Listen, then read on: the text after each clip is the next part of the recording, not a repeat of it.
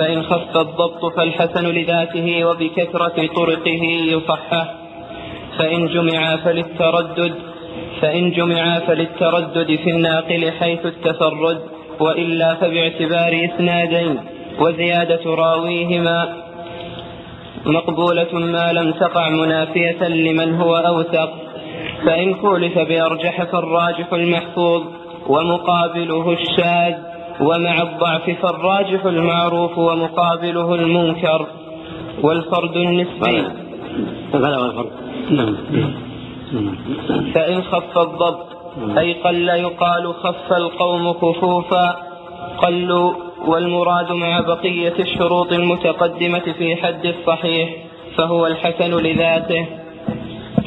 بسم الله الرحمن الرحيم اللهم صل وسلم. يقول مالك رحمه الله هذا من حجر إذا خف الضبط في بعض الروايات بعض الروايات رواة الحديث فإنه يسمى الحسن لذاته تقدم ضابط الحديث الصحيح سنة. خبر العدل نقل وخبر الآحاد نقل العدل تام الضبط متصل السند غير معلل ولا شاذ والصحيح لذاته. هذا هو الصحيح لذاته. نقل العدول عدل عن عدل متصل السند غير معلل ولا شاذ مع كلام الضبط في كل واحد. هو الحق. لذاته والصحيح لذاته كحديث عمر بن الخطاب. الاعمال بالنيات. حديث عبد الله بن عمر. نهى عن الولاء وعن هبته بأسناد بأسناد بإسناد صحيح. تام الشروط وهو فرق هذا يقال الصحيح لذاته إذا كان كان الرواة عدولا ضبطهم تام معروف بالضبط والاتصال موجود وليس له علة ولا شذوذ يقال الصحيح لذاته هذا خف الضبط يعني الشروط موجودة متصل السند غير معلل ولا شاذ وعدول لكن ضبطهم دون دون الرواة في الحالة الأولى. فهذا يقال الحسن لذاته بدل الصحيح لذاته مثلوا لهذا مثل عمرو بن شعيب عن ابن جده محمد بن إسحاق اذا صرح بالسماع ضبطه دون ضبط هؤلاء دون غيرهم دون ضبط الأعمش وسفيان ونافع وأشباههم فيكون هؤلاء حديثهم من باب الحسن لذاته مثل محمد بن سلمة عن ثابت عن أنس وأشبه ذلك. نعم. فهو الحسن لذاته لا لشيء خارج وهو الذي وهو الذي يكون حسنه بسبب الاعتضاد نحو حديث المستور إذا تعددت طرقه وخرج باشتراط باقي الأوصاف الضعيف. هذا يكون حسن لغيره. كان الرواة المستور. وهو الذي وهو مجهول الحال لكن تعددت طرقه فقال الحسن لغيره. وإذا تعدد الحسن لذاته صار صحيحا لغيره فالأقسام أربعة. صحيح لذاته وصحيح لغيره. حسن لذاته وحسن لغيره. والصحيح لذاته ما ذكر فيه ما تم فيه شروط متقدمة جماعة العدل أن العدل مع تمام الضبط مع اتصال السند غير معلم ولا شيء. هذا هو الصحيح لذاته. فإن خف الضبط صار الحسن لذاته. فإن تعدد الطرق الحسن لذاته صار صحيحا لغيره. فإن كان ليس بضابط بل مستور ليس معروف بالعدالة والضبط لكن تعددت الطرق قد يقال الحسن لغيره. رواه يعني المستورون لكن مع مع الاتصال وعدم العلة فإذا كان طريقين فأكثر فيقال حسن لغيره. ومثل بعضهم بهذا من حافظ بن حجر مثل بحديثه مد اليدين في الدعاء إذا ترفع يديه في الدعاء فدعا مد يديه قال من باب الحسن لغيره ومثل ابن كثير رحمه الله بحديث لا وضوء لمن لم يفسر الله يعني قال إنه له طرق فهو من باب الحسن لغيره نعم.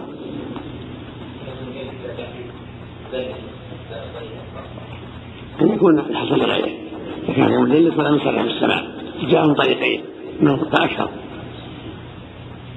يأتي في آخر بحث المؤلف يأتي هذا نعم عن قريب نعم نعم. نعم. وهذا القسم من الحسن مشارك للصحيح في الاحتجاج به وإن كان دونه ومشابه له في انقسامه إلى مراتب بعضها فوق بعض. نعم. مشارك للصحيح في الاحتجاج. وهذه درجات حسب حسب حسب قوة الضبط. نعم. وبكثرة طرقه يصحح وإنما يحكم له بالصحة عند تعدد الطرق. لأن هذا الصحيح لغيره ثلاث طرق صح أكثر من طريقين. في رواته الحسن لذاته رواته من هو غير تام الضبط. يكون صحيحا لغيره. مع وجود بقية الشروط من عدل. والتصل السند غير معلل ولا شيء. نعم. يكون من باب الصحيح لغيره مثل من طريقين في رواتهما منهما موصوف بأنه من رواة الحسن لذاته يعني غير تام الضبط نعم.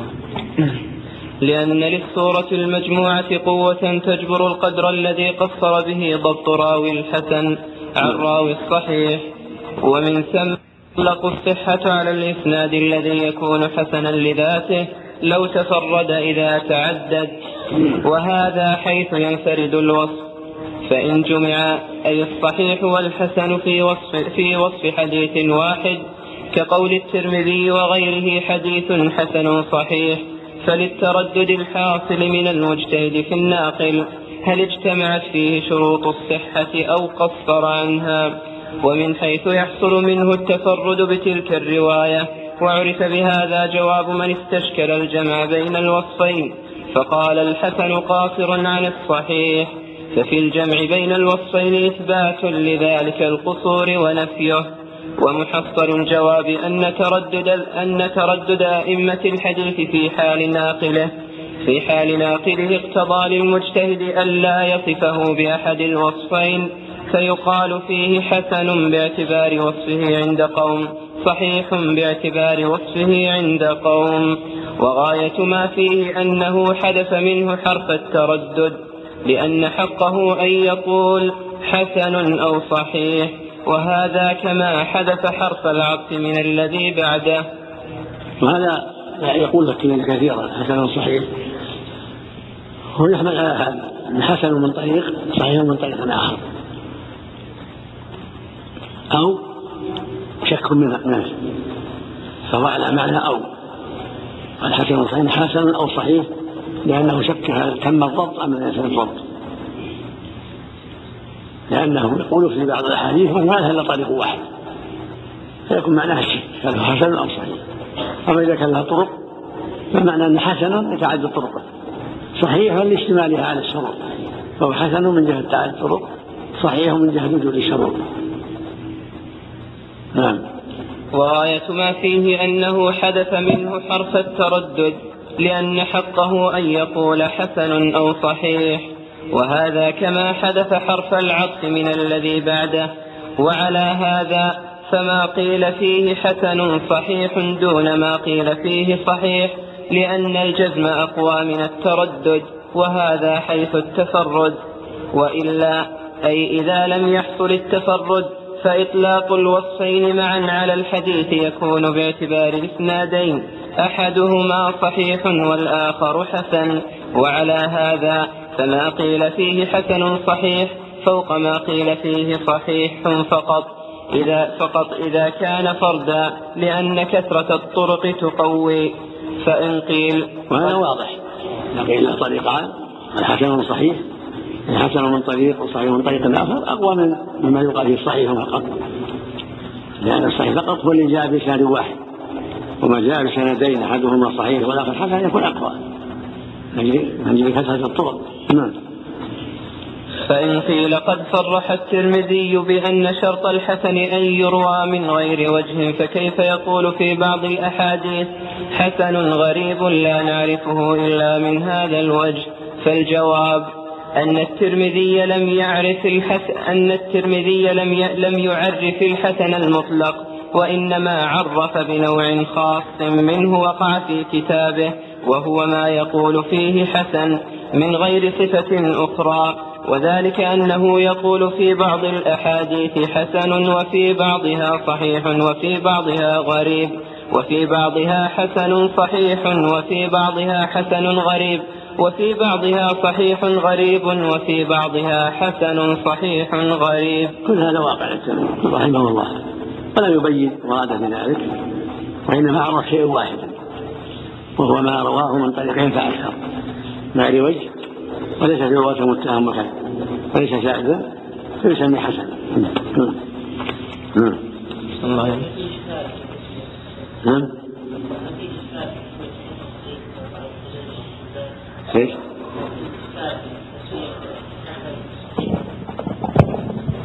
هذا قد يكون تسامح بعض بعض الناس. نعم.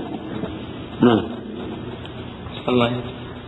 وتعريفه إنما وقع على الأول فقط وعبارته ترشد إلى ذلك حيث قال في آخر كتابه وما قلنا في كتابنا حديث حسن فإنما أردنا به حسن إسناده عندنا. إذ كل حديث يروى لا يكون راويه متهما بكذب ويروى من غير وجه نحو ذلك ولا يكون شاذا فهو عندنا حديث حسن. يعني شروط من غير وجه ولا يكون راويه متهم بكذب ولا شاذ هذا يسمى حسنا هو معناه الحسن لغيره هو القسم الرابع هذا اللي عرفه. أما ما يقول في حسن صحيح أو حسن غريب أو صحيح غريب هذا ما عرفه. يعرف من من الأدلة الأخرى. نعم. نعم. فعرف بهذا أنه إنما عرف الذي يقول فيه حسن فقط. أما ما يقول فيه حسن صحيح أو حسن غريب أو حسن صحيح غريب فلم يعرج على تعريفه كما لم يعرج على تعريف ما يقول فيه صحيح فقط أو غريب فقط. وكأنه ترك ذلك استغناء بشهرته عند أهل الفن واقتصر على تعريف ما يقول فيه في كتابه حسن فقط إما لغموضه وإما لأنه اصطلاح جديد. ولذلك قيده بقوله عندنا ولم ينسبه إلى أهل الحديث كما فعل الخطابي وبهذا التقرير يندفع كثير من الإيرادات التي طال البحث فيها ولم يسفر وجه توجيهها فلله الحمد على ما ألهم وعلم. وزيادة راويهما مقبولة ما لم تقع منافية لمن هو أوثق فإن خولف بأرجح فالراجح المحفوظ ومقابله الشاذ ومع الضعف فالراجح المعروف ومقابله المنكر والفرد النسبي إن نعم. نعم. وزيادة راويهما أي الصحيح والحسن مقبولة ما لم تقع منافية لرواية من هو أوثق ممن لم يذكر تلك الزيادة. لأن الزيادة إما أن تكون لا تنا إما أن تكون لا تنافي بينها وبين رواية من لم يذكرها فهذه تقبل مطلقا لأنها في حكم الحديث المستقل الذي ينفرد به الثقة ولا يرويه عن شيخه غيره. بسم الله اللهم صل على زيادة راويهما يعني راوي الصحيح والحسن. مقبولة. ما لم تقع منافية. لمن هو أوثق منافية يعني لا, لا تجتمع معه أما إذا كان لا تنافي هي مقبولة فإذا روى الثقة عن النبي صلى الله عليه وسلم حديثا ثم رواه آخر وزاد عليه جملة أمر الله بها أو نهى عنها فلا بأس. ما تكون منافية كما روى عن النبي صلى الله عليه وسلم أنه نهى عن صيام يوم العيدين. عيد الفطر وعيد الأضحى. وآخر روى عنه مع ذلك كما كابي سعيد النهي عن جلستين وعن بيعتين. طبعا لا ينافي هذا هذا شيء ما شيء كذلك أمثال هذا. كان يروي أحدهما أن الرسول صلى الله عليه وسلم لعن شارب الخمر. ويروي الثاني لعن شارب الخمر وأكل الربا يجمعهم لا منافاة. والآخر يروي أن الرسول صلى الله عليه وسلم أذن في لحوم الخيل. والآخر روى أذن في لحوم الخيل وحرم لحوم الحمر. لا منافاة هذا شيء وهذا شيء. المقصود أن الزيادة لا تنافي تقبل. كان حديث مسلم أما إذا نافت ولم تجتمع مع ما روى الأوسط فإنها تكون شاذة لا تقبل. كان يروي الثقة مثل نافع عن عمر أن النبي صلى الله عليه وسلم أمر بكذا أو فعل كذا. يأتي آخر أضعف من نافع مثل عقار وأشباهه يروي أن النبي صلى الله عليه وسلم نهى عن هذا الذي قال الذي قال نافع انه مرض. يروي الآخر نهى عنه. لا تقبل الحديث متشابه مخالف للأوثق لأن منافس لا يجتمعان هذا من الأمر وهذا من النهي. الله يعني زيادة الإسناد واحد أم بإسناد مختلف؟ بإسناد واحد؟ أو بإسناد كل واحد. بإسناد واحد وبإسنادين نعم. تخلف الأكثر على واحد. نعم. تخلف عشرة أو ثمانية أو ستة. المقصود إذا كانوا أوثق منه. إذا كان مجموعة رواية أوثق. نعم. أحسن إذا خالف الثقة ثقات وليس أوثق. نعم. إذا خالف الثقة ثقات يطلب الترجيح ينظر الترجيح من طرق أخرى. يسلك الترجيح من طرق أخرى. أما أو هذا صرح بالسماع وهذا ما صرح بالسماع أو هذا لا الشواهد وهذا ما لا الشواهد يرجح من طريق آخر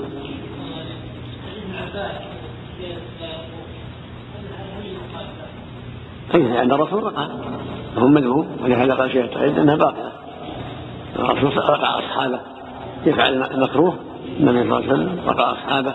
وأذن في الرقية قال لا بأس بالرقى ما لم تكن شركا. نعم.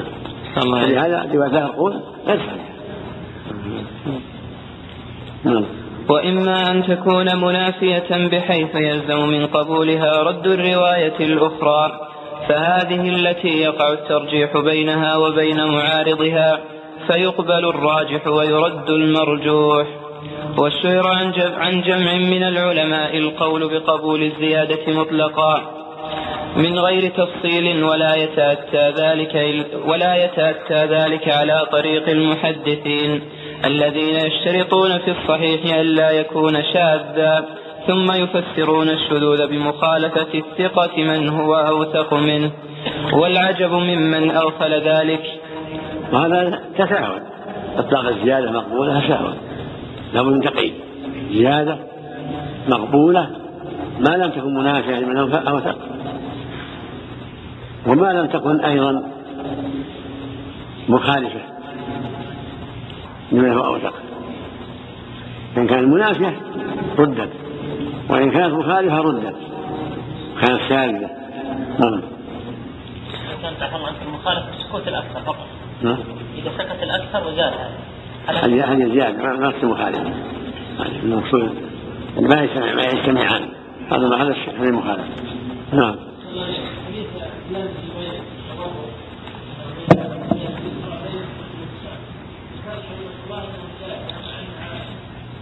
لأنها مخالفة لرواية حديث عائشة حديث ابن حميد كلهم ذكروا أنه يتورك في الأخيرة ويفترش في الوسطى وما يجعل رجل بينهما بل يفترش. هذا مخالف ما رواه بعض الناس عن ابن حميد والظاهر أنه غلط من بعض الرواة. نعم. لا لا مؤتية الصلاة ما ما هي مستقيمة. تؤذي تضر الجالس تؤذيه والعجب ممن أغفل ذلك منهم مع اعترافه باشتراط انتفاء الشذوذ في نعم. حد الحديث الصحيح وكذا الحسن. والمنقول عن لأن الناس قد يتكلم.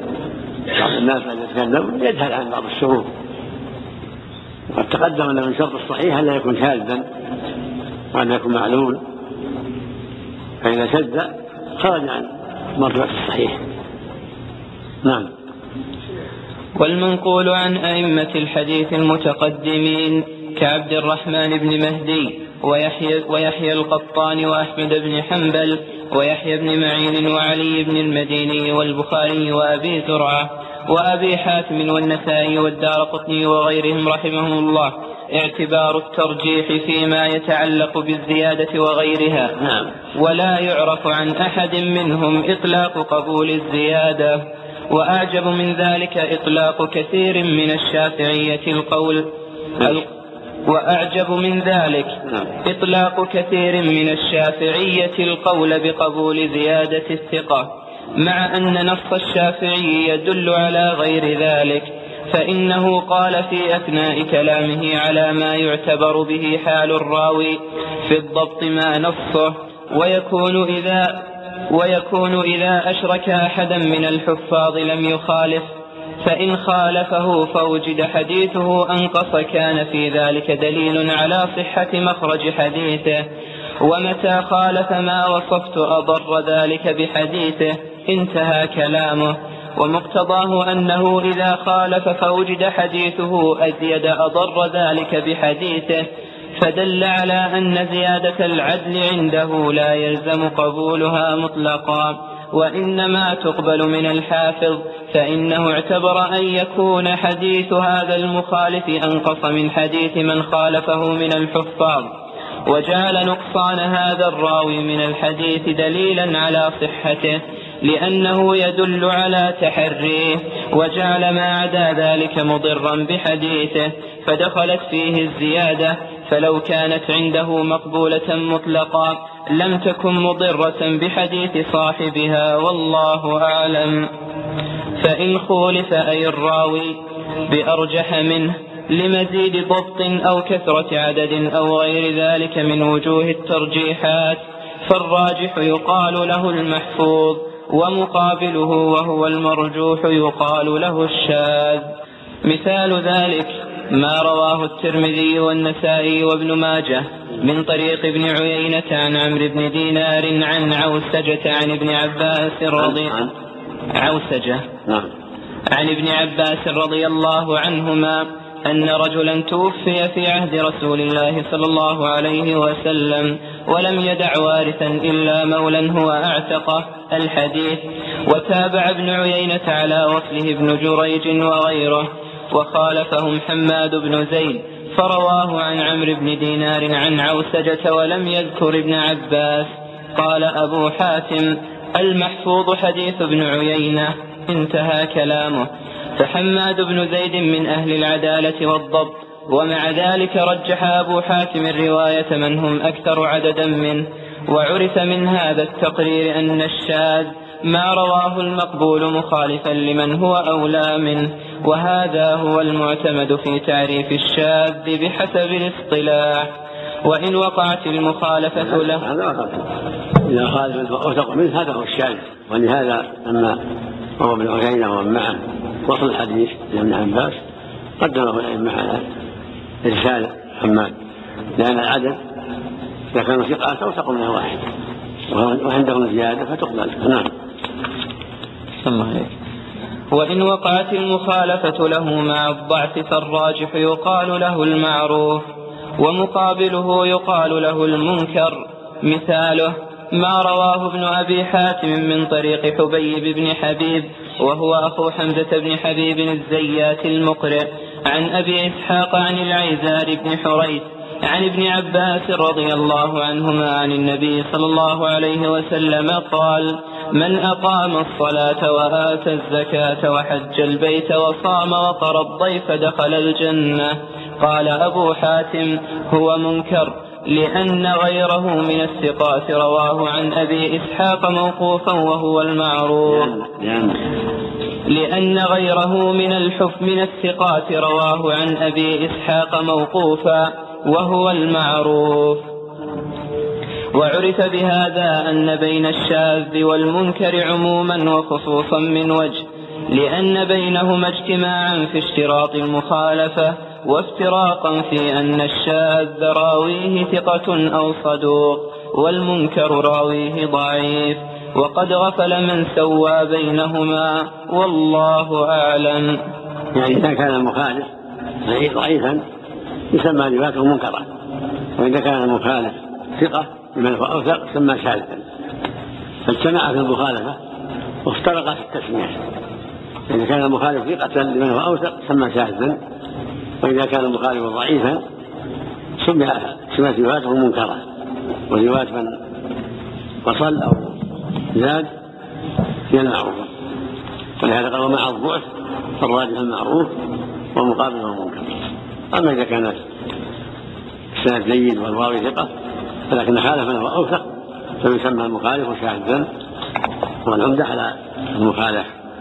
والفرد النسبي إن وافقه غيره فهو المتابع وإن وجد متن يشبهه فهو الشاهد وتتبع الطرق لذلك هو الاعتبار. ثم المقبول إن سلم من المعارضة فهو المحكم وإن عورض بمثله فإن أمكن الجمع فمختلف الحديث.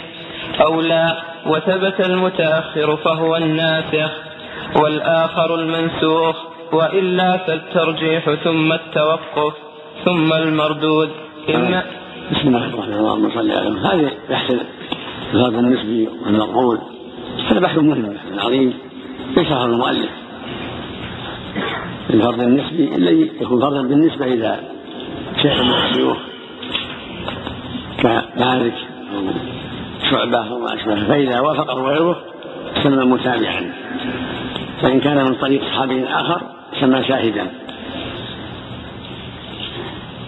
فالحديث الذي مثلا يرويه عمر عن النبي صلى الله عليه وسلم ويكون له طرق ترجع إلى مالك ثم يأتي آخر. فيروي عن غير مالك يكون هذا تابع متابع. فإن جاء آخر يروي الحديث مثل الحديث عن غير عمر عن ابن عمر أو عن أبي سعيد أو غيره هذا يسمى شاهدا. شاهدا للحديث. نعم. نعم. صلى الله عليه وما تقدم ذكره من الفرد النسبي إن وجد بعد ظن كونه فردا قد وافقه غيره فهو المتابع بكسر الباء الموحدة والمتابعة على مراتب لأنها إن حصلت للراوي نفسه فهي التامة وإن حصلت لشيخه فمن فوقه فهي القاصرة ويستفاد منها التقوية. مثال المتابعة ما رواه الشافعي في الأم عن مالك عن عبد الله بن دينار عن ابن عمر رضي الله عنهما أن رسول الله صلى الله عليه وعلى آله وسلم قال الشهر تسع وعشرون فلا تصوموا حتى تروا الهلال ولا تفطروا حتى تروه فإن غم عليكم فأكملوا العدة ثلاثين. فهذا الحديث بهذا اللفظ ظن قوم أن الشافعي تفرد به عن مالك فعدوه في غرائبه لأن, لأن أصحاب مالك رووه عنه بهذا الإسناد وبلفظ فإن غم عليكم فاقدروا له. لكن وجدنا للشافعي متابعا وهو عبد الله بن مسلمة القعنبي كذلك أخرجه البخاري عنه عن مالك. فهذه متابعة تامة. لأن عبد الله بن مسلمة رواه عن مالك كما رواه الشافعي فصارت متابعة تامة. وصارت مقوية لرواية الشافعي وأنا لم ينفرد بها. نعم. ووجدنا له أيضا متابعة قاصرة في صحيح ابن خزيمة من رواية عاصم بن محمد عن أبيه محمد بن زيد عن جده عبد الله بن عمر رضي الله عنهما بلفظ فكملوا ثلاثين.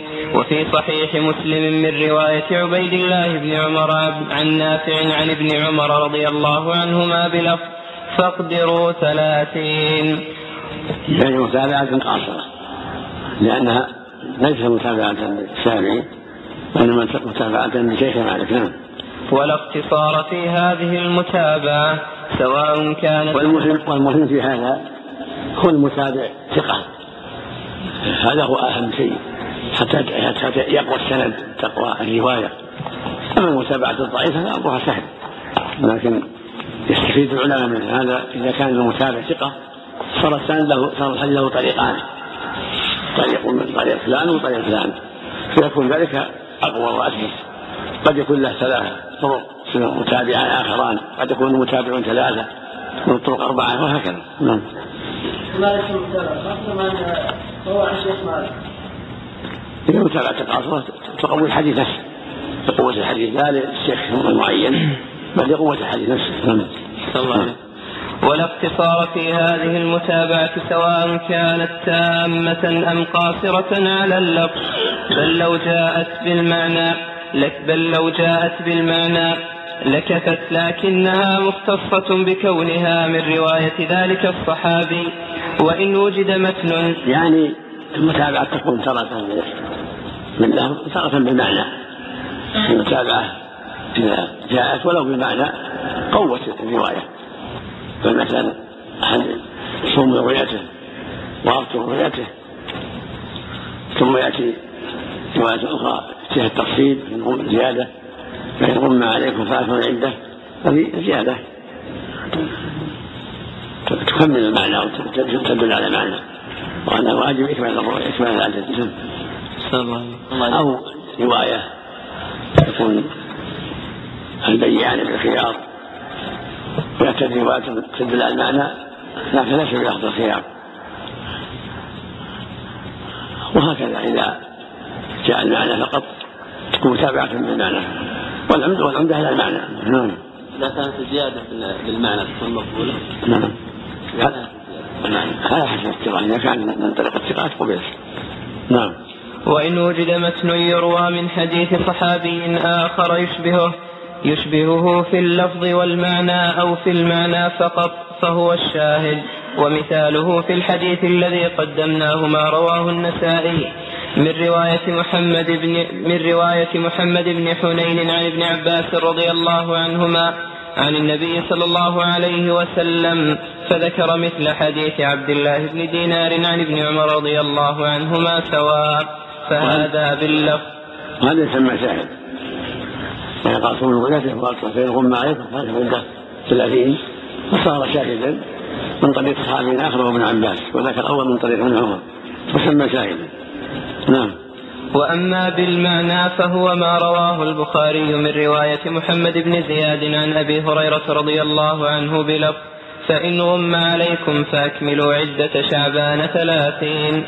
وخص قوم. لأن لأن صريح عند الشعبان قال فأكملوا العدة فأطلق. قال عن شعبان فصرح فصرح بالمعنى. وأن مراد العدة هي عدة شعبان. وهكذا في رمضان.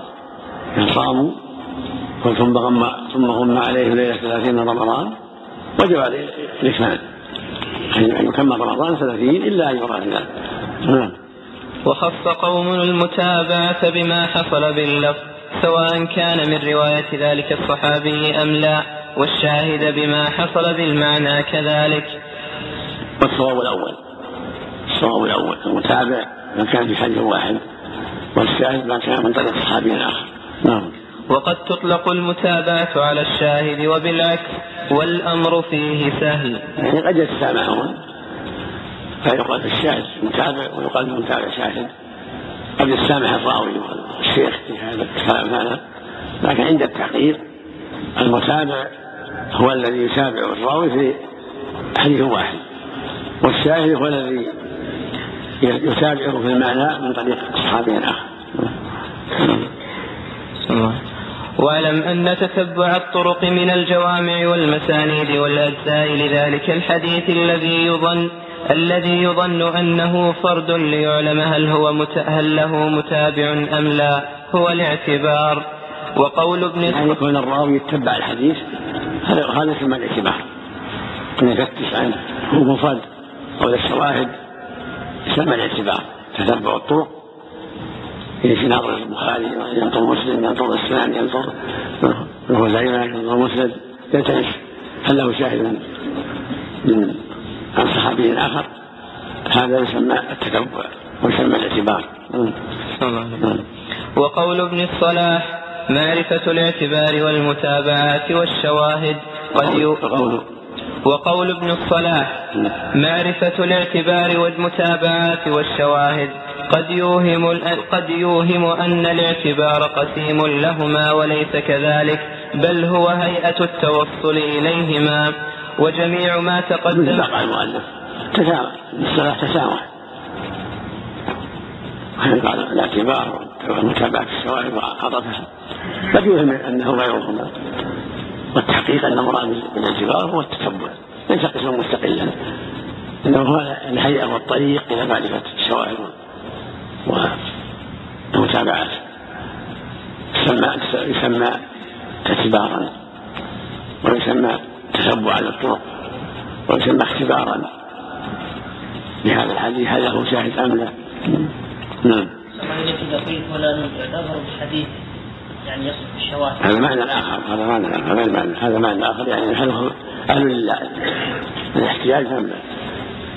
يعتبر يعني لا يصير ما يكون يعني عمدة لكن يعتبر به في الشواهد والمقويات ولا يكون عمدة في الحكم نعم الله وجميع ما تقدم من أقسام المقام هذه المسائل حتى يعرفها الإنسان من الإنسان يعرفها أيضا من زملائه ومن غيرهم. بعض الناس إذا أخبرت ثقة وتطمئن وبعض الناس تقول شاعر يعني ينظر في أمره هل يوجد من يقويه؟ هل يوجد من يشهد كلامه؟ لا يكون عنده. نعم. لأن بد يعني يتساهل. نعم. صلى الله عليه وجميع ما تقدم من أقسام المقبول تحصل فائدة تقسيمه باعتبار مراتبه عند المعارضة. والله أعلم. وجميع. وجميع ما تقدم من أقسام المقبول تحصل فائدة تقسيمه باعتبار مراتبه عند المعارضة. والله أعلم. نعم إنما يحتاج إلى هذا عند المعارضة. حتى يعرف أيهما أقوى وأيهما أثبت عند التعارض. ينظر ينظر في هذا. حتى يعرف الصحيح من الضعيف المحفور من الشاذ المنسوخ من الناسخ. حتى يتميز لطالب العلم منزلة الحديث. عند المعارضات نعم. ثم ثم المقبول ينقسم أيضا إلى معمول به وغير معمول به لأنه إن سلم من المعارضة أي لم يأت خبر يضاده فهو المحكم وأمثلته كثيرة. وإن عورض فلا يخلو إما أن يكون معارض إما أن يكون معارضه مقبولا مثله أو يكون مردودا. فالثاني لا أثر له لأن القوي لا تؤثر فيه مخالفة الضعيف. نعم. وإن كانت المعارضة بمثله فلا يخلو إما أن يمكن الجمع بين مدلوليهما بغير تعسف أو لا. فإن أمكن الجمع فهو النوع المسمى مختلف الحديث. ومثل له ابن الصلاح بحديث لا عدوى ولا طيرة ولا هامة ولا صفر ولا صفر ولا غول. مع حديث فر من المجذوم فرارك من الأسد وكلاهما في الصحيح وظاهرهما التعارض. ووجه الجمع بينهما أن هذه الأمراض لا تعدي بطبعها لكن الله سبحانه وتعالى جعل مخالطة المريض بها للصحيح سببا لإعدائه مرضه. ثم قد يتخلف ذلك عن سببه كما في غيره من الأسباب.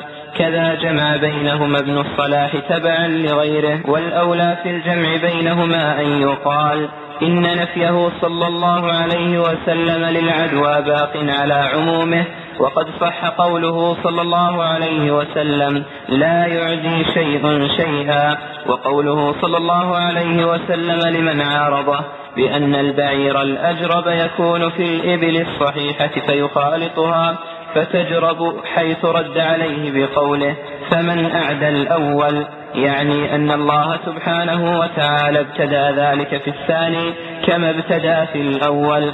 وأما الأمر بالفرار من المجزوم فمن باب سد الذرائع لئلا يتفق للشخص الذي يخالطه شيء لئلا يتفق للشخص الذي يخالطه شيء من ذلك بتقدير الله تعالى ابتداء لا بالعدوى المنفية. فيظن أن ذلك بسبب مخالطته فيعتقد صحة العدوى فيقع في الحرج فأمر بتجنبه حسما للمادة. والله أعلم. وقد صنف في هذا النوع الإمام الشافعي كتاب اختلاف الحديث لكنه لم يقصد استيعابه. وقد صنف فيه بعده ابن قتيبة والطحاوي وغيرهما وإن لم. وإن لم يمكن الجمع. هذا البحث بحث مهم. مقبول من الأحاديث. يعني الذي ثبت سنده هو مقبول يحتج به. له تارة يكون محكم. يكون غير ذلك. تارة يكون منسوخ. تارة يكون ناسخ. تارة يحصل التوقف على حسب أحوال المتون والأسانيد فالمقول الذي ثبت سنده ويحتج به من سلم المعارضة يبقى له محكم ولو كان المعارض ضعيفا لا يلتفت إليه يطرح ضعيف ويسمى الحديث محكما لأنه لم يعرض بشيء يؤثر عليه مثل حديث الأعمال بالنيات حديث بيع من الخيار. وأحاديث كثيرة كلها محكمة. وترى يعارض مثله يعني ترى يعارض بإسناد قوي. هذا فيه التفصيل. إن كان أو كان الجمع سبب مختلف الحديث يجمع بينهما فيما يراه العالم غير العلم. كأن يحمل المطلق على المقيد والعام على الخاص يسوء الأشرار وهذا كثير. فإذا وجد حديثان متعارضان مثل حديث العدوى والأطيار حديث هرب بن مجنون كما مثل المؤلف فالجمع بينهما ممكن وليس هناك نسخ لأن يحمل على عدوى والأطيرة يعني لا تؤدي بطبيعها ولكن الله قد يجعل الخلطة سببا كما قال ابن الصلاح وغيره. وهذا أرجح. قد يكون سببا أن قال لا عدوى لا تؤدي بطبيعها وقال فر من المجذوم يعني لا تعطى الأسباب. قال صلى الله عليه وسلم لا يريد مولد على مصح لا يريد صحيح ابن المرار على ابن الصحاح لئلا تكون سببا. والفهم عند الأول هل يدل على أنها لا تدري بطبيعها؟ بل الله يعني قد يجعل ذلك سببا. قد يكون اختلاط الابن الصحيح مع الجرفة سببا. قد يكون اختلاط الإنسان السليم مع المجنون سببا. ولكن لا ليس بلازم. ولهذا بعض الروايات أنه صلى الله عليه وسلم أخذ بيد مجنون قال قل بسم الله ثقة بالله. فالعدوى ليست لازمة ولكن أمر الرسول أمر الرسول بالأسباب ومن عن المخالطة. الأشياء التي يرى العادة بأنها قد تعدي يبتعد عنها أخذا بالأسباب وهو دل عن الخطر هذا هو الجمع بينهما. ان يعني العدوى ابطال العدوى لانها لا في بطنها لا عدوى ولا اطياف وفر من المجذوم ولا يلزم لها نصح من باب توقي الأسباب الضاره والاخذ الأسباب النافعة. وفي هذا الباب احاديث كثيره في بين النصوص. المطلق على مقيد والعام على الخاص. هذا كثير كثير من النصوص يقع كأحاديث النهي عن المر بين يدي المصلي. وبيان أنه لا يقطع الصلاه الا المراه والحمار الاسود وأما سواها لا يقطع. وأحاديث كثيرة فيها الإطلاق. مثل لا صلاة لمن لم يقرأ يقال من فاتحة القرآن. وإنما صلاة من لم يذكر إلا الركوع حديث بكرة ذكر الله عز وجل ولم يأمرهم بالقضاء دل على أن لا صلاة لمن أدرك القراءة والأمكنة. أما المأموم لما أمكنه صلاته كان بين النصين والحاصل من هذا أن الأحاديث المتعارضة من ضمنها. فإن كان المعارض ضعيفا أخذ بالصحيح وانتهى الأمر. وإن كان كلاهما صحيح لا بد من الجمع بينهما. إما بحمل الخاص الحمل على العمل الخاص أو المطلق على المقيد أو ببيان علة تقتضي الجمع. فإن لم يتيسر ذلك نظر في أمر ذلك هو النسخ. يكون المتأخر نسخ المتقدم إذا لم يتيسر الجمع وكلاهما صحيح ما بقي إلا النسخ فينسخ أحدهما بالآخر. ينسخ المتقدم بالمتأخر ويكون هذا الجواب عن الحديثين. وإن لم يمكن الجمع فلا يخلو إما أن يعرف التاريخ أو لا فإن عرف وثبت المتأخر به أو بأصرح منه. فهو الناسخ والآخر المنسوخ. والنسخ رفع حكم والنسخ رفع تعلق حكم شرعي بدليل شرعي متأخر عنه. والناسخ ما يدل على الرفع المذكور. وتسميته نسخا مجاز وتسميته ناسخا مجاز. لأن الناسخ في الحقيقة هو الله تعالى. ويعرف النسخ بأمور. أصرحها ما ورد في النص كحديث بريدة رضي الله عنه في صحيح مسلم. كنت نهيتكم عن زيارة القبور فزوروها فإنها تذكر الآخرة. ومنها ما يجزم الصحابي بأنه متأخر كقول جابر رضي الله عنه كان آخر, كان آخر الأمرين من رسول الله صلى الله عليه وسلم ترك الوضوء مما مست النار أخرجه أصحاب السنن. ومنها أما الأول هو نسخ واضح. وما حكم أنه وزوروها نسخ للنهي. أما الأخير ترك الشهور مسح النار فليس صريحا النسخ. ولهذا قال محققون العلم أنه يدل على عدم الوجوب وان قول صلى الله عليه وسلم توضأ مسح النار ليس على الوجوب بل على الاستحباب. ولهذا ثبت عنه صلى الله عليه وسلم أنه أكل لحما ثم صلى ولم يتوضأ. فدل على أنه لا يجب الوضوء ولكن يسحب وقال آخر رب النسخ يقول جاء باخر الأمرين. وهذا الصواب ليس دان عن النسخ لكن يدل على الجواز إن توضأ فهو أفضل وإن ترك فلا حرج. لأن الرسول فعل هذا وفعل هذا. صلى الله عليه وسلم. نعم. الناسخ المنسوخ وجوب والاستحباب نعم. قال الوجوب هو المنسوخ واما الاستحباب فباقي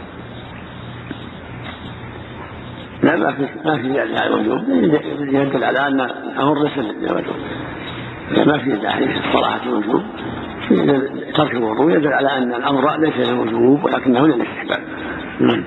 قال توضأ من النار. هذا الأمر يكون للاستحباب بدليل أنه لم لم يتوضأ في بعض الأحيان. مثل قول صلى الله عليه وسلم إذا أردتم الجنازة فقوموا. وفي بعض الأحيان لم يقم دل على أنه موجود ومنها ما يعرف بالتاريخ وهو كثير وليس منها ما يرويه الصحابي المتأخر الإسلام معارضا للمتقدم عليه. لاحتمال أن يكون سمعه من صحابي آخر أقدم من المتقدم المذكور أو مثله فأرسله.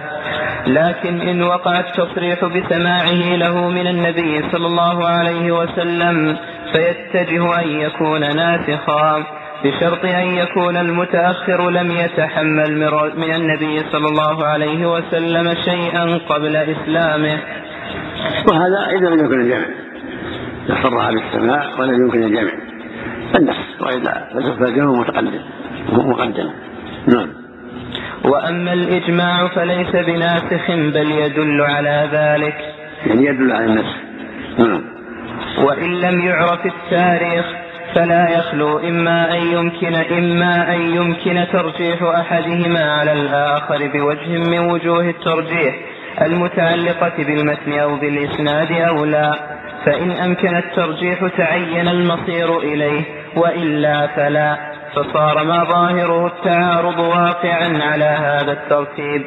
الجمع إن أمكن فاعتبار الناسخ والمنسوخ فالترجيح إن تعين. ثم التوقف عن العمل بأحد الحديثين.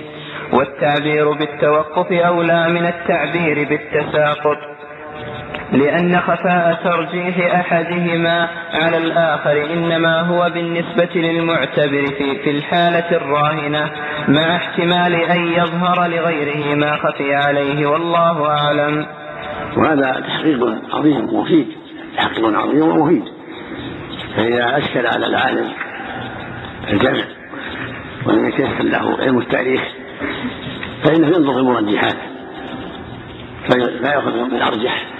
لكثرة أسانيده أو لقوة إسناده ويعتبر الآخر شاذا ويكون الأخذ أخذ بالمحكم عند تعذر الجمع وعند عدم علم التاريخ حتى يقال بالنفس فحينئذ يبقى يبقى الترجيح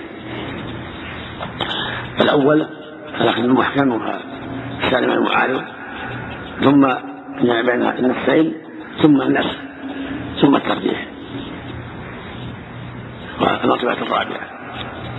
هو الأخذ الصحيح والطرح والطرح على الأحاديث الضعيفة. عند التعارض.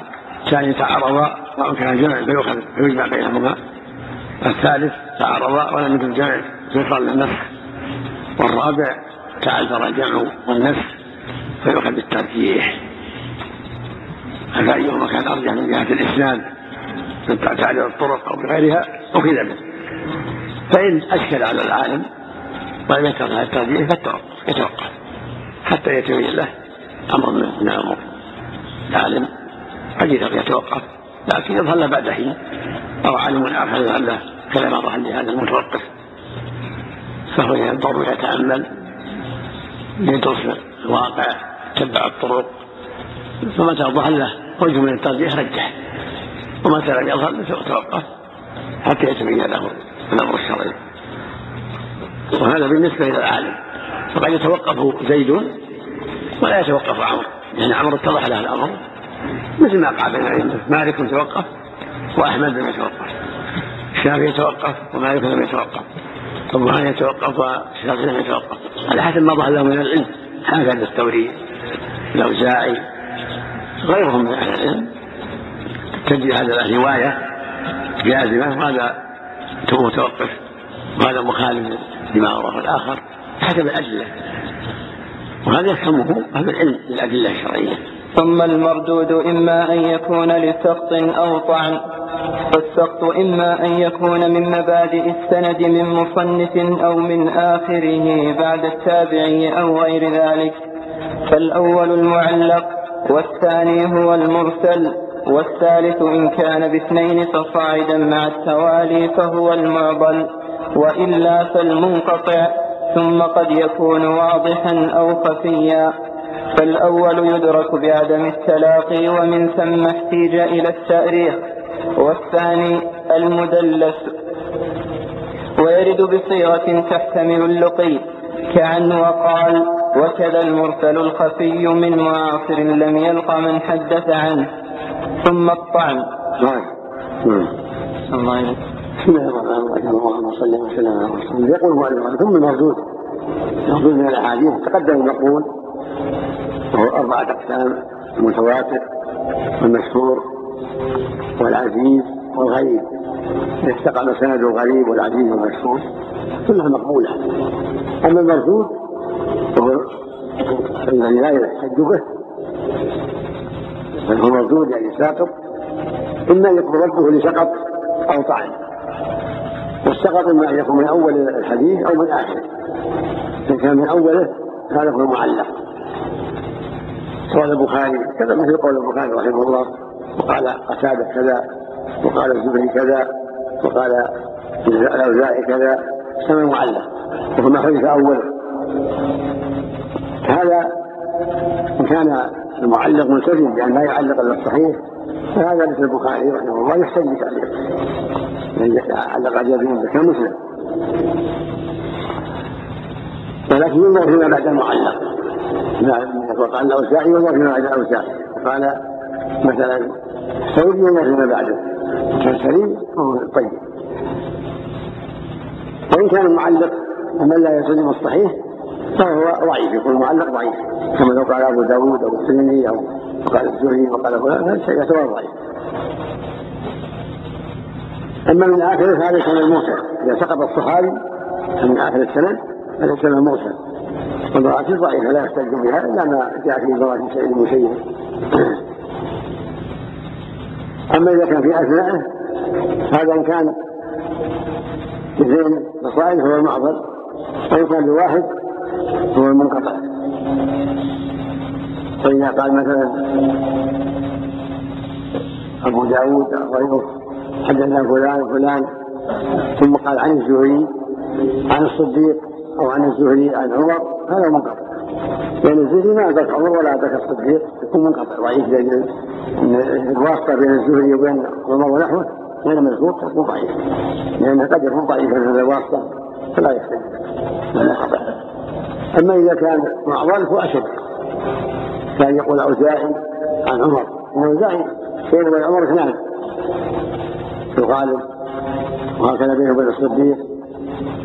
هذا يسمى معضل وهو أشد ضعفا ثم قد يكون الانقطاع واضحا وقد يكون خفيا الواضح إذا اتضح كون الراوي عن الصحابي أو عن شيخه أو عن الشخص بلغ هذا انقطاع واضح. كان يقول الزهري عن عمر أو عن الصديق هذا انقطاع واضح أو يقول الاوزاعي قال عمر أو قال الصديق أو قال ابن ثابت أو قال ابن عباس هذا منقطع. لأن الزهري الاوزاعي ما ذكر الصحابة هذا انقطاع واضح وقد يكون خفي وهو المدلس الذي يروي عن من عن ذكرهم لكن شيء ما سمعه منه هذا يسمى مدلس وهذا كما في قول ابن إسحاق عن فلان. وفي قول قتادة عن فلان. في قول العلاش عن فلان. ولا ولا يقول حدثني ولا سمعت. هذا يسمى مدلس يكون عين عنده السند حتى يصرح بالشيء إذا كان الراوي مدلس أما إذا كان الراوي لا ما هو مدلس عن عنته فلا اسمع لكن إذا كان مدلس إذا قال قتاده عن فلان أو قال أو قال إسحاق عن فلان أو العمش عن فلان يسمى مدلس. لابد من التصحيح وهكذا موسى الخفي من المعاصي الذي يقع يسمى موسى الخفي. إذا روى عن معاصره ولم يصرح بالسمع هذا موسى يسمى موسى الخفي. لأن قد يمكنه السماع لكن ما صرح بالسماع وليس بمدلس. هذا موسى الخفي حتى يوجد ما يدل على اتصاله إما بأن يعلم أنه لا يوصل وأنه لا يروي إلا عن سماع أو في بعض الروايات سرع بالسماع يزول يزول الإشكال. يعني يتبع تتبع الطرق. فإما يوجد طريق صرح فيه بالسماع أو معروف عنه أنه لا قد صرح أنه لا يروي إلا عن سماع. ثم المردود وموجب الرد إما أن يكون لسقط من إسناد أو طعن في راو على اختلاف وجوه الطعن. أعم من أن يكون لأمر يرجع إلى ديانة الراوي أو إلى ضبطه. والسقط إما أن يكون من مبادئ السند من تصرف مصنف أو من آخره أي الإسناد. بعد التابعي أو غير ذلك فالأول المعلق. سواء كان الساقط واحدا أو أكثر وبينه وبين المعضل الآتي ذكره عموم وخصوص من وجه. فمن حيث تعريف المعضل بأنه سقط منه اثنان فصاعدا يجتمع مع بعض الصور المعلق. ومن حيث تقييد المعلق بأنه من تصرف مصنف من مبادئ السند يفترق منه إذ هو أعم من ذلك. ومن صور المعلق أن يحدث جميع السند ويقال مثلا قال رسول الله صلى الله عليه وآله وصحبه وسلم ومنها أن يحذف إلا الصحابي أو إلا الصحابي والتابعي معا ومنها أن يحذف من وهذا يكون ضعيف. قال قال رسول الله وقال عمر وقال سعيد عن عمر يكون ضعيف. إلا أن يكون المعلق ممن عرف لأنه لا يعلق إلا على سنن صحيح مثل البخاري رحمه الله. وعلقات الجازمة ذلك نعم. الله ومنها أن يحذف من حدثه ويضيفه إلى من فوقه فإن كان من فوقه شيخا لذلك المصنف فقد اختلف فيه هل يسمى تعليقا أو لا. والصحيح في هذا التفصيل فإن عرف بالنص أو الاستقراء أن فاعل ذلك مدلس قضي به وإلا فتعليق. وإنما ذكر التعليق في قسم المردود للجهل بحال المحذوف وقد يحكم بصحته إن عرف بأن إن عرف بأن يجيء مسمى من وجه آخر فإن قال جميع من أحذفه ثقات جاءت مسألة التعديل على الإبهام وعند الجمهور لا يقبل حتى يسمى. لكن قال ابن الصلاح هنا إن وقع الحذف في كتاب التزمت صحته كالبخاري فما أتى بالجزم دل على أنه ثبت إسناده عنده وإنما حذف لغرض من الأغراض. وما, أتي وما أتى فيه بغير الجزم ففيه مقال. وقد أوضحت أمثلة ذلك في النكت على ابن الصلاح. والثاني هذا قال وروي ضعيف. إلا أن يأتي من سبب الآخر. أما إذا جزم قال البخاري قال كذا صحيح عنده إلى من جزم عنه. ثم قال ينسب قال وينسب وروي هو عنده ضعيف. إلا أن يثبت أنه رواه في محل آخر. نعم. والثاني هو ما وهو ما سقط من آخره من بعد التابعي هو المرسل. وصورته أن يقول التابعي سواء كان كبيرا أو صغيرا قال رسول الله صلى الله عليه وسلم كذا أو فعل كذا أو فعل بحضرته كذا أو نحو ذلك. وإنما ذكر في قسم المردود للجهل بحال المحذوف. لأنه, يح لأنه يحتمل أن يكون صحابيا ويحتمل أن يكون تابعيا. وعلى الثاني يحتمل أن يكون ضعيفا ويحتمل أن يكون ثقة. يحتمل. يحتمل. الموضوع نعم. نعم. وعلى الثاني يحتمل أن يكون ضعيفا ويحتمل أن يكون ثقة. يعني محلوف وعلى الله وعلى الثاني يحتمل أن يكون حمل عن صحابي ويحتمل أن يكون حمل عن تابعي آخر؟ وعلى الثاني فيعود الاحتمال السابق ويتعدد إما بالتجويز العقلي فإلى, فإلى ما لا نهاية له وإما بالاستقراء فإلى ستة أو سبعة. وهو أكثر ما وجد من رواية بعض التابعين عن بعض. فإن عرف من عادة التابعي أنه لا يرسل إلا عن ثقة فذهب جمهور المحدثين إلى التوقف لبقاء الاحتمال وهو أحد قولي أحمد. وثانيهما وهو قول المالكيين والكوفيين يقبل مطلقا. وقال الشافعي رضي الله عنه يقبل إن اعتضد بمجيئه من وجه آخر يباين يباين الطرق يباين الطرق الأولى مسندا كان أو مرسلا ليترجح احتمال كون المحذوف ثقة في نفس الأمر. ونقل أبو بكر الصواب لا يقبل. عنها حتى يصلح لأنه قد ينسى وقد يعلق عن غير ثقة. فلا يقبل إلا إذا صرح نعم. ونقل أبو بكر الرازي من الحنفية وأبو الوليد الباجي من المالكية أن الراوي إذا كان يرسل عن الثقات وغيرهم لا يقبل مرسله اتفاقا. وهذا صحيح. إذا كان معروف بالتساهل لا يقبل اتفاقا.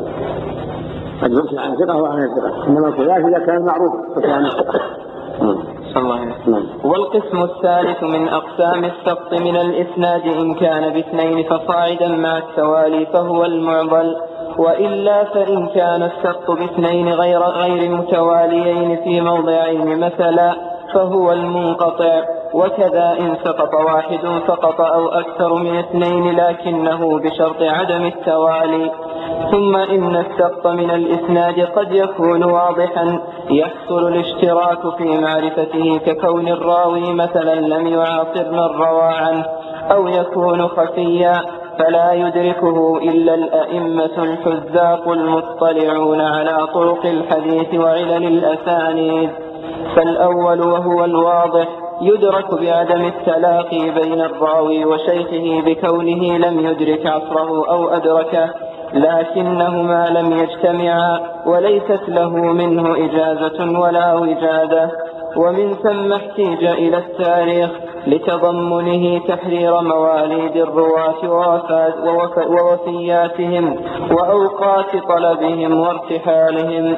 وقد اتضح أقوام ادعوا الرواية عن, شيء عن شيوخ ظهر بالتاريخ كذب دعواهم. والثاني المدلس ويرد بصيغة تحتمل اللقي.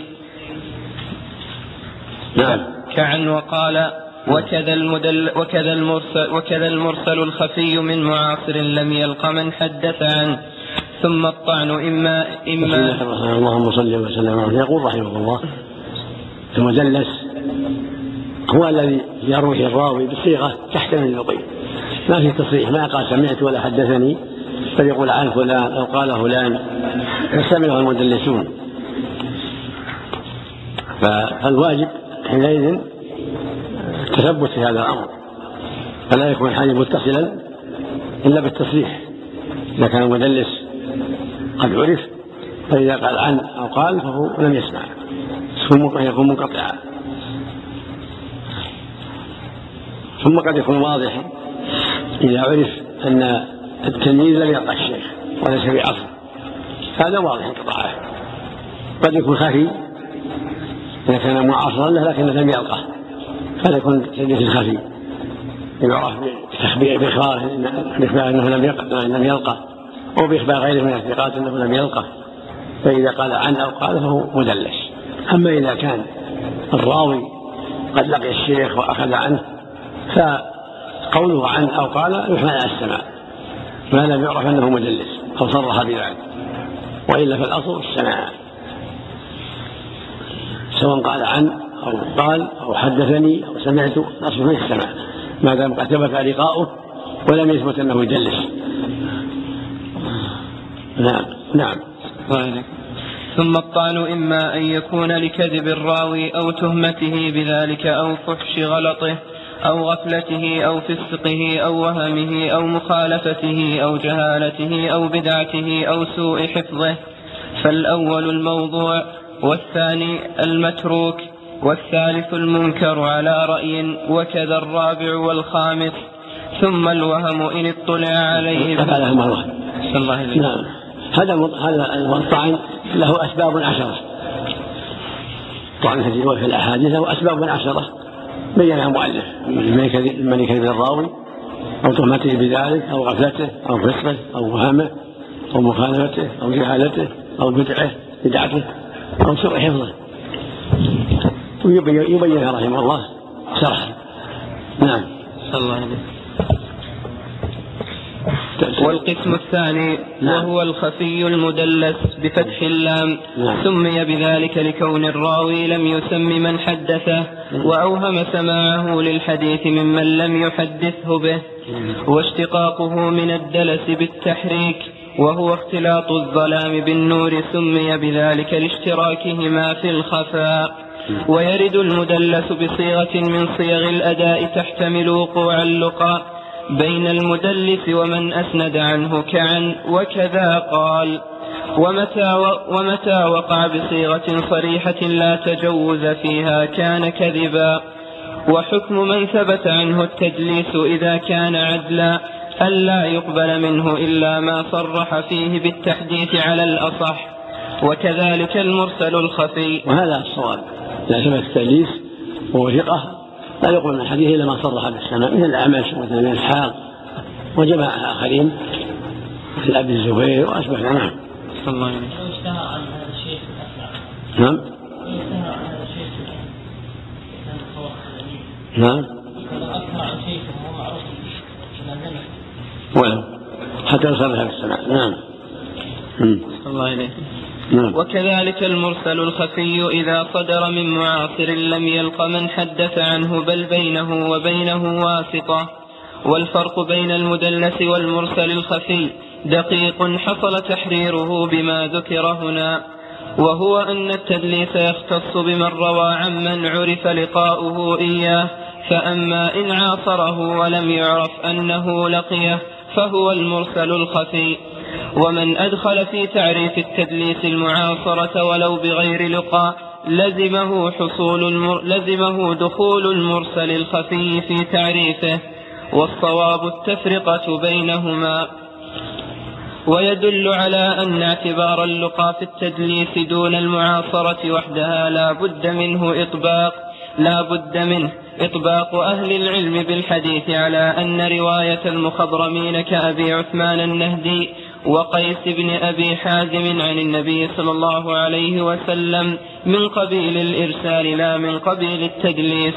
ولو كان مجرد المعاصرة يكتفى به في التدليس لكان هؤلاء مدلسين لأنهم عاصروا النبي صلى الله عليه وسلم قطعا ولكن لم يعرف هل لقوه أم لا. وممن قال باشتراط اللقاء في التدليس الإمام الشافعي وأبو بكر البزار وكلام الخطيب في الكفاية يقتضيه وهو المعتمد ويعرف عدم الملاقاة بإخباره عن نفسه بذلك أو بجزم إمام مطلع ولا يكفي أن يقع في بعض الطرق زيادة راو أو أكثر بينهما لاحتمال أن يكون من المزيد ولا يحكم في هذه الصورة بحكم كلي لتعارض احتمال الاتصال ولا, ولا المقصود يعرف هذا. الصوم مثل ما قال المؤلف إن التدليس غير المعاصرة المدلس الذي لقي ولكن بعض الأحيان يصرح وبعض الأحيان ما يصرح هذا يقال له مدلس. أما الذي عاصر ولم يلقى فهذا يقال له مرسل خفي. ويسمى مرسل مطلق. مثل قول مثل روايات المخرمين. قيس بن أبي حازم وغيره من المخضرمين قال له رواية مرسلة. قال عن النبي صلى الله عليه وسلم سمى مرسلة. كما سمى رواية التابعين عن النبي مرسله لأن هذا المخضرم لم يلقى النبي صلى الله عليه وسلم ولكنه كان في زمانه مثل كعب الأحبار مثل الصنابحي واشبههم هؤلاء يقال لهم رواية عن النبي مرسلة. وهكذا كل معاصر روى عن من عاصره ولم يلقه سمى منقطع في اصطلاح العلماء. في الرواة. وإن كان روى عن النبي سمى مرسلا. نعم. الله ينعم. ولا يحكم في هذه الصورة بحكم كلي لتعارض احتمال الاتصال والانقطاع. وقد صنف فيه الخطيب كتاب التفصيل لمبهم المراسيل وكتاب المزيد في متصل الأسانيد. وقد انتهى. يعني إذا روى عن شيخه بواسطة لا يقال إن هذا دليل على أنه مدلس. يعني لأنه قد يسمع من شيخه وقد يسمع من شيخه بواسطة هذا يقال المزيد متصل الأسانيد مثلا إنسان يروي عن ابن عباس وهو شيخ ابن عباس. في بعض الأحيان يروي عن بعض تلاميذ ابن عباس عن ابن عباس. شيء ما سمع ابن عباس يروي عن تلاميذ ابن عباس. ويكون واسطة من باب المزيد في متصل الأسانيد. مثل عكرمة أو عمر بن دينار أو غيرهما روى عن ابن عباس بواسطة تابعين آخر يقال هذا من باب المزيد في متصل الأسانيد. نعم. وقد انتهت هنا أقسام حكم الساقط من الإسناد. ثم الطعن يكون بعشرة أشياء بعضها أشد في القدح من بعض. خمسة منها تتعلق بالعدالة وخمسة تتعلق بالضبط. بالعدالة لكذب الراوي أو تهمته بذلك أو غفلته أو فسقه أو وهمه هذا يتعلق بالضبط. نعم. والبقية يتعلق هذا يتعلق بالعدالة. والبقية يتعلق بالضبط. المخالفة والجهالة والبدعة إلى آخره. صلى الله عليه ولم يحصل الاعتناء بتمييز أحد القسمين من الآخر لمصلحة اقتضت ذلك وهي ترتيبها على الأشد فالأشد في موجب الرد على سبيل التدلي لا لأن الطعن إما أن يكون لكذب الراوي في الحديث النبوي بأن يروي عن النبي عنه صلى الله عليه وسلم ما لم يقله معتمدا لذلك أو, توه أو, أو تهمته بذلك. بأن لا يروي بأن لا, بأن لا يروى ذلك الحديث إلا من جهته ويكون مخالفا للقواعد المعلومة وكذا من عرف بالكذب في كلامه وإن لم يظهر منه وقوع ذلك في الحديث النبوي وهذا دون الأول. أو فحش غلط. من تعمد هذا كذب الراوي يعرف يكذب يعرف الكذب التساهل فسده هذا يسمى حديث الموضوع. أما من اتهم بذلك لقلة علمه ومخالفته الروايات الصحيحة أو غفلته ما عنده بصيرة يقع في رواية الكذب هذا يسمى متروك لأنه تقع في روايات الكذب لا عن, لا عن تعمد بل لأسباب أخرى مما لغفلة أو حس ظنه فيمن يروي عنه يأخذ عمن هب ودب نعم. الله أو فحش غلطه أي كثرته. أو غفلته عن الإتقان أو فسقه أي بالفعل والقول مما لا يبلغ الكفر. وبينه وبين الأول عموم وإن من وإن وإنما أفرد الأول لكون القدح به أشد في هذا الفن. وأما الفسق بالمعتقد فسيأتي بيانه أو وهمه بأن يروي على سبيل التوهم أو مخالفته أي للثقات أو جهالته بأن لا يعرف فيه تعديل ولا تجريح معين أو بدعته وهي اعتقاد ما أحدث على خلاف المعروف عن النبي صلى الله عليه وسلم لا بمعاندة بل بنوع شبهة أو سوء حفظه وهي عبارة عن ألا يكون غلطه أقل من إصابته.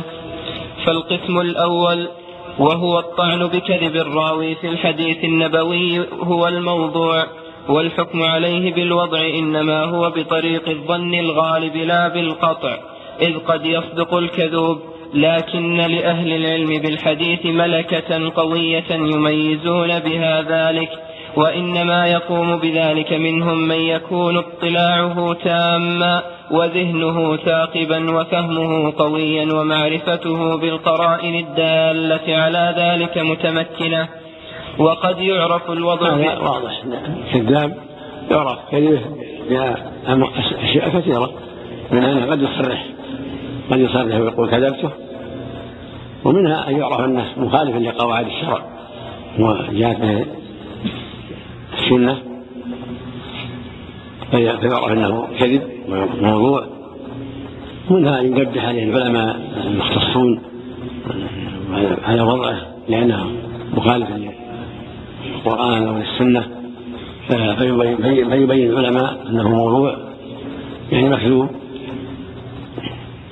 فله في هذا دربة وعناية وفقه الله بهذا الحكم على الاحاديث الموضوعه بأنها موضوعه لظهور كذبها وعدم تمسيها مع القواعد الشرعية. نعم. الله وقد يعرف الوضع بإقرار واضعه قال ابن دقيق العيد. لكن لا يقطع بذلك الاحتمال أن يكون كذب في ذلك الإقرار. نعم وقد يعرف بإقراره أنه وضع الحديث. وقد يكون أيضا كذاب في اعترافه ولكن ما لم يعترف. يحكم بأنه موضوع ولا يحتج به نعم. الله وفهم منه بعضهم أنه لا يعمل بذلك الإقرار أصلا وليس ذلك مراده وإنما نفى القطع بذلك ولا يلزم من نفي القطع نفي الحكم. نعم. لأن الحكم يقع بالظن الغالب وهو هنا كذلك ولولا ذلك لما ساغ قتل المقر بالقتل. ولا رجم المعترف بالزنا لاحتمال أن يكونا كاذبين فيما اعترفا به. ومن القرائن هو مؤاخذ هو مؤاخذ بإقراره وإن اتهم. هو مؤاخذ بإقراره بالحق والباطل. نعم. ما كان عاقلا فهو مؤاخذ بإقراره. ولهذا يقتل على قال بقتل العمد ويرجم من اقر بالزنا ويجلد إذا كان ذكرا وهذا له بإقراره. وإن كان قد يكذب نعم. الله هذا عاد بحثه معروف. المعروف انه اذا رجع يقبل رجوعه. نعم. نعم. نعم. ومن القرائن التي يدرك بها الوضع ما يؤخذ من حق حق الله مو حق المخلوق كما فعل النبي مع ماعز اشار لم يزل يردده لعله يرجع. لكن بحق المخلوق لا. من أقام بحق المخلوق يؤخذ ولا يقبل منه رجع. لو قال اخذت مال فلان أو قتلت فلان فرجع ما يقبل منه الرجوع يعني هذا حق مخلوق. فالأول الموضوع والثاني المتروك والثالث المنكر على رأي وكذا الرابع والخامس. ثم الوهم إن اطلع عليه بالقرائن وجمع الطرق فالمعلل. ثم المخالفة إن كانت بغير بتغيير السياق. فمدرج الإسناد أو بدمج موقوف بمرفوع فمدرج المتن. أو بتقديم أو تأخير فالمقلوب أو بزيادة راو فالمزيد في متصل الأسانيد أو بإبداله ولا مرجح فالمضطرب. وقد يقع الإبدال عمدا امتحانا أو بتغيير مع بقاء السياق فالمصحف والمحرف ولا يجوز تعمد تغيير المتن بالنقص والمرادف إلا لعالم بما يحيل المعاني. فإن خفي المعنى احتيج إلى شرح الغريب وبيان المشكل. ومن القرائن التي يدرك بها الوضع ما يؤخذ من حال الراوي كما وقع لمأمون بن أحمد أنه أنه ذكر بحضرته أنه ذكر بحضرته الخلاف في كون الحسن في كون الحسن سمع من أبي هريرة أو لا فساق في الحال إسنادا إلى النبي صلى الله عليه وسلم أنه قال سمع الحسن من أبي هريرة.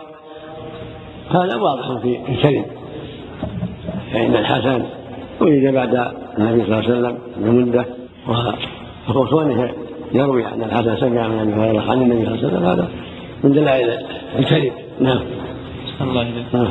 وكما وقع لغياث بن إبراهيم نعم. حيث دخل على المهدي فوجده يلعب بالحمام فساق في الحال إسنادا إلى النبي صلى الله عليه وسلم أنه قال لا سبق إلا في نصل أو خف أو حافر أو جناح. فزاد هذه فضائح من الفضائح. يتضح بها الوضاعون يعني يتضح الكريم في الحال. فإنه أراد أن يبرر عمل الخليفة ساق له زيادة أو جناح الحديث لا سبق إلا في نسل أو خف أو حافر فهو زاد جناح ليرضي بها الخليفة. نعم. المقصود أن الوضاعون أقسام. منهم من يراه وضعه لتصحيحه وإقراره من وضع الحديث.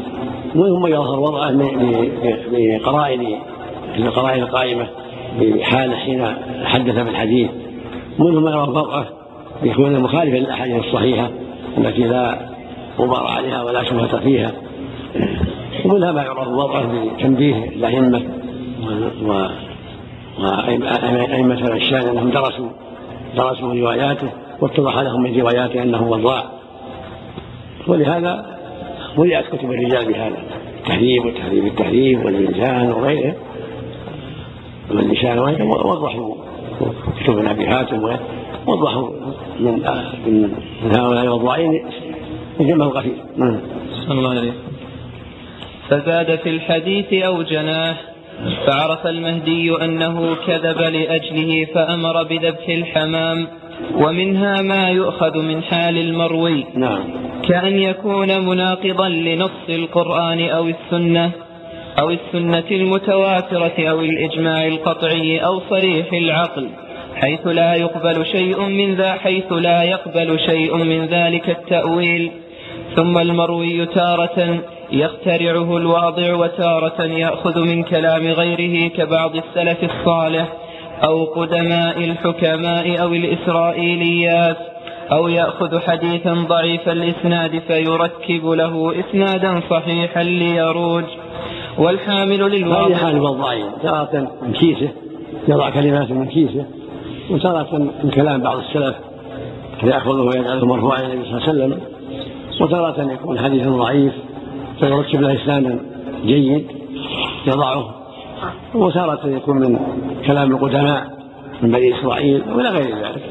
يعني و و يعني كلمات الوضاعين و... وما يخترعونه ويكذبونه أنواع نعم.